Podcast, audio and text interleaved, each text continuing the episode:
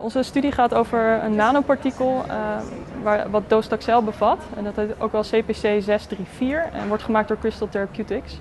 Uh, dat is een uh, klein bedrijfje in Maastricht. Um, en ze hebben dat nanopartikel gemaakt. En um, waarom je docetaxel in een nanopartikel wil geven, is dat je de kinetiek van het docetaxel kan je verbeteren. Uh, docetaxel heeft een halfwaardetijd van ongeveer 11 uur en dit kun je daarmee verbeteren. Um, en daarnaast uh, is het zo dat een nanopartikel ook specifiek in de tumoren um, zou moeten ophopen.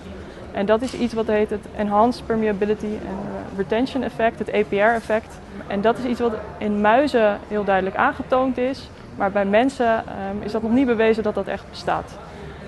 door dit nanopartikel radioactief te labelen, Um, en hebben we PET-CT-scans gemaakt om te kijken of dat nanopartikel daadwerkelijk uh, naar de tumoren toe gaat.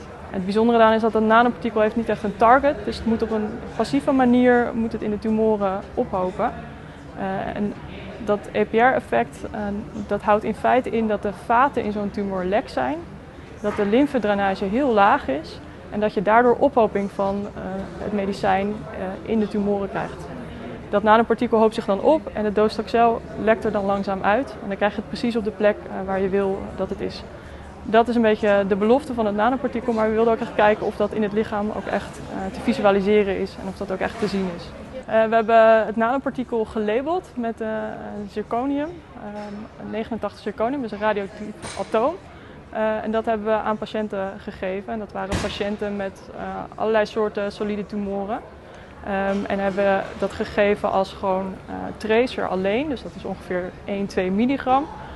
Um, en dan uh, scans gemaakt na 2 uur, na 24 uur, na 96 uur. Um, en datzelfde hebben we twee weken later ook gedaan, maar dan van tevoren met een, een koude dosis uh, van dat nanopartikel. dus dat is 60 milligram per vierkante meter.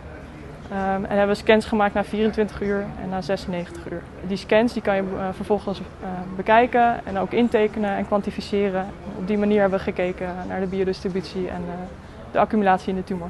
Ja, ja de belangrijkste resultaten zijn eigenlijk dat we hebben aangetoond dat het EPR-effect, het Enhanced Permeability and Retention effect, dat dat um, speelt bij, de, bij dit nanopartikel. Dat, dat hebben we aangetoond dat het er is. Um, en dat is iets wat uh, nou, eigenlijk niet eerder gedaan is met uh, zo'n soort nanopartikel. Um, en dat is eigenlijk het belangrijkste resultaat. En je ziet dat het over de tijd uh, dus ophoopt in de tumor. Um, en dat je daar ja, eigenlijk genoeg van dat nanopartikel krijgt om een therapeutische dosis te hebben. daarnaast hebben we ook gekeken naar de biodistributie van het nanopartikel. En dan zien we ook dat het lang in de bloedbaan blijft. Dus als je docetaxel uh, via het infuus geeft, heb je een halfwaardetijd van ongeveer 11 uur. En als je dat met het nanopartikel doet, dan verdriedubbel je dat uh, ongeveer. En verder hebben we ook gezien dat um, het niet heel veel afgebroken wordt in de lever. Het is ongeveer um, 7,5% van wat je injecteert gaat uiteindelijk naar de lever toe. En dat is ook heel voordelig, dat is niet heel veel in vergelijking met andere uh, middelen. Um, en ja, we denken dus dat dat nanopartikel het eigenlijk uh, ja, best goed doet op die manier. Met dit onderzoek hebben we aangetoond dat het EPR-effect bestaat en dat dit nanopartikel uh, in de tumoren komt. En dat is heel belangrijk voor dit product, maar ook voor producten in de toekomst die op een dergelijke manier gemaakt worden. Want je kunt naast docetaxel kun je er ook andere medicijnen in gaan stoppen in de toekomst. Verder is het zo dat dit product verder ontwikkeld gaat worden in fase 2 studies. Um, en dat je eventueel de tracer die we gemaakt hebben ook als een soort companion diagnostic zou kunnen gebruiken. Om in de toekomst ook te kijken wie er gaat reageren en wie niet. En dat zou nog meer uitgezocht moeten worden.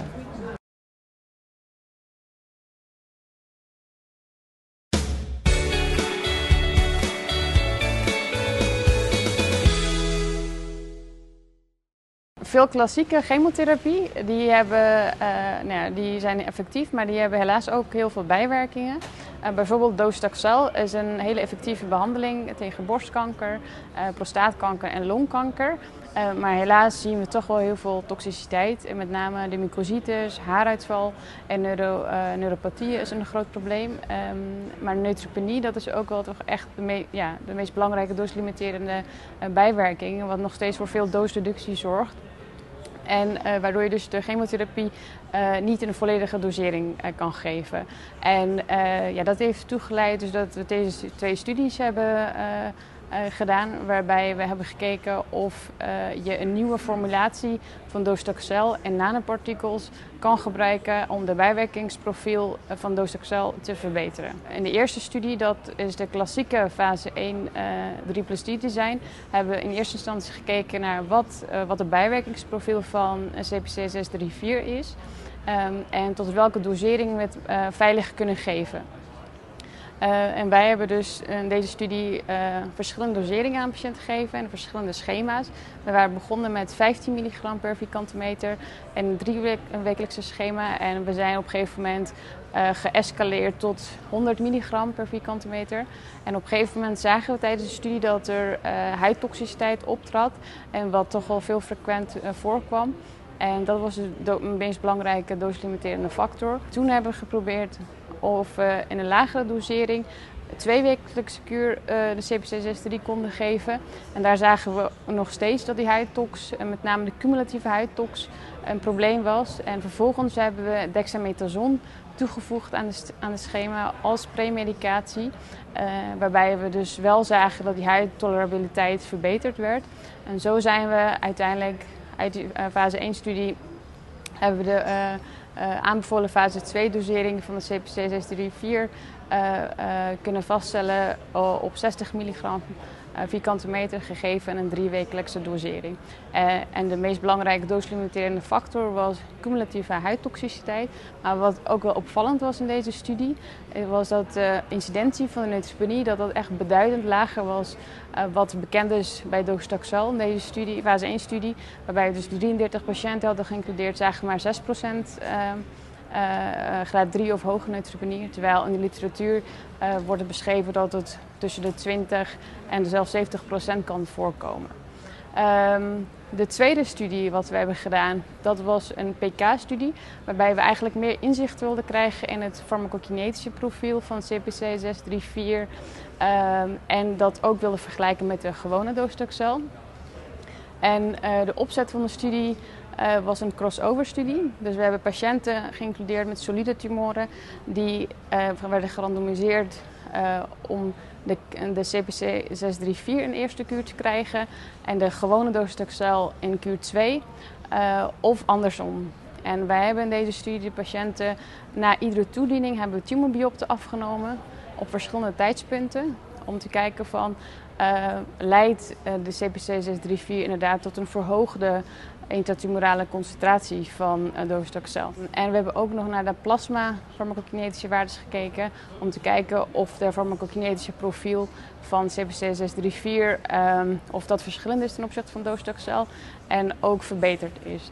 En de belangrijkste resultaten van deze studie was um, dat we, uh, als we kijken naar de uh, plasma farmacokinetische profiel van CPC 634, zagen we een bijna 90% lager Cmax. Dus dat is de, uh, de, ja, de hoge concentratie wat je na toediening kan bereiken. Maar de AUC, dat is gecorreleerd aan de exposure, de plasma-AUC, dat was juist hoger, bijna 35% hoger vergeleken met gewoon docetaxel. Uh, en de klaring was ook minder door de CPC 634. Um, en ja, deze pK-waardes uh, ja, zijn dus wel gunstig, omdat de Cmax van een bepaald chemotherapie, dat wordt veelal gecorreleerd met het optreden van de bijwerkingen, de toxiciteit. En de AUC, dat wordt meestal gecorreleerd met effectiviteit. En ook in deze studie zagen we eigenlijk dat de incidentie van neutropenie na toediening van CPC 634 uh, dat maar 6% was, vergeleken met 70% uh, bij uh, de gewone docetaxel. En wij denken ook dus dat de verbeterde farmacokinetische profiel van CPC 634 verantwoordelijk is dat de neutropenie eigenlijk veel minder frequent voorkomen. En wat we zagen in de tumorweefsel um, qua concentratie van docetaxel was dat de release docetaxel, dus dat is het docetaxel wat je eigenlijk direct in je sample kan meten, dat dat vergelijkbaar was uh, tussen uh, de kuur dat de patiënten de gewone docetaxel kregen en de kuren dat ze de uh, dat ze de 6364 kregen.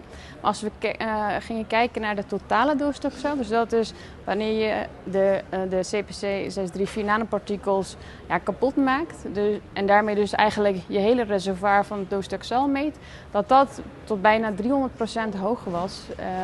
en de patiënten die de, 6, de CPC 634 kregen.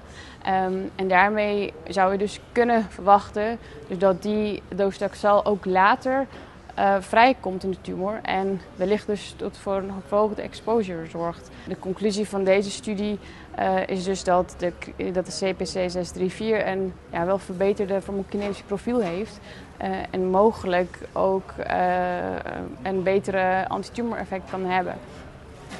voor de klinische praktijk uh, betekent dit dat uh, dit in de toekomst wellicht de potentie heeft om eigenlijk uh, de plek van docetaxel te vervangen. Eh, dus als we bijvoorbeeld kunnen aantonen dat CPC 634 even effectief is als de gewone docetaxel, maar veel minder bijwerkingen geeft, en daarmee kunnen we natuurlijk wel veel patiënten helpen die bijvoorbeeld door neutropene koorts worden opgenomen. Uh, en een andere uh, implementatie uh, zou kunnen zijn dat je bijvoorbeeld ook het medicijn niet heel hoog hoeft te doseren en ook niet zo frequent hoeft te geven als je dus een verlengde exposure in de tumor kan krijgen. wat dus ook voor effectiviteit kan zorgen die je bij gewoon docetaxel ook zou verwachten. maar goed, daar moeten we dus wel aanvullend onderzoek naar doen om dat aan te kunnen tonen. maar hier hebben we wel een, ja, een mooi begin gemaakt.